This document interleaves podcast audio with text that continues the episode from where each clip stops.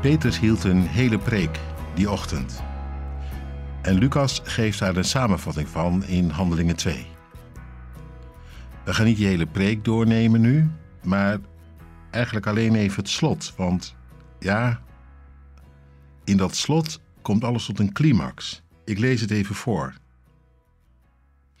Er staat dan: Jezus is door God tot leven gewekt. Daarvan getuigen wij allen. Hij is door God verheven, zit aan zijn rechterhand en heeft van de Vader de Heilige Geest ontvangen, zoals was beloofd. De Geest heeft hij over ons uitgegoten en dat is wat u nu ziet en hoort. David is weliswaar niet naar de hemel opgestegen, maar toch zegt hij: De Heer sprak tot mijn Heer: Neem plaats aan mijn rechterhand, totdat ik van je vijanden een bank voor je voeten heb gemaakt. Laat het hele volk van Israël er daarom zeker van zijn dat Jezus, die u gekruisigd hebt, door God tot Heer en Messias is aangesteld. Prachtig evangelie, hè? Gewoon in een paar zinnen wordt alles gezegd. Opstanding, verhoging, uitstorting van de geest. Dat is wat je nu ziet en hoort. Je wordt erin meegenomen. In dat goede en genadige van God. En dan ineens die ene zin. Die laatste zin. In deze vertaling is het de ene laatste zin, maar het was in het oorspronkelijk de laatste zin. Het is met natuurlijk hoe je de zin zo bouw doet. Maar de laatste woorden zijn: Deze Jezus, die u gekruisigd hebt. En dan volgt het Amen. En daar moet je het dan mee doen. Althans, dat wordt je gezegd. U, u daar op dit tempelplein, u die nu vanochtend wordt verrast.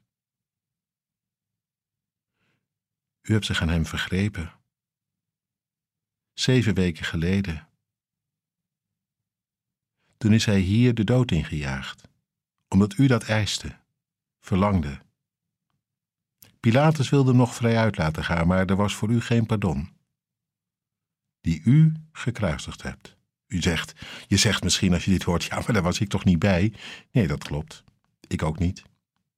En toch moet je zo'n zinnetje eens even dat je door laten dringen. Niet om het erger te maken dan het is, maar gewoon om onder ogen te zien wie je soms wezen kunt. Jezus gekruisigd, wat betekent dat? Hem de mond snoeren. Hem eigenlijk uh, even ontlopen.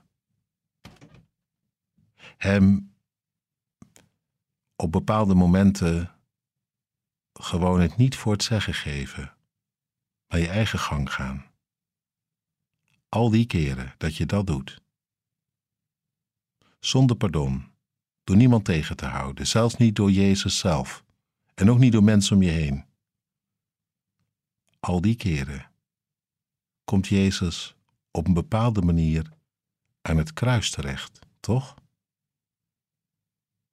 Of zie ik het verkeerd? Zeg het maar. Maar laat het eens tot je doordringen waar je soms mee bezig bent, of misschien nu wel op dit moment. Het lijkt onschuldig. Je denkt zelfs soms het grootste gelijk van de wereld te hebben. Maar zou het kunnen zijn dat jij en ik Jezus vaker kruisigen dan ons lief is? En dat het heel goed is, heilzaam, verhelderend, vernieuwend. Om dat gewoon maar eerlijk onder ogen te zien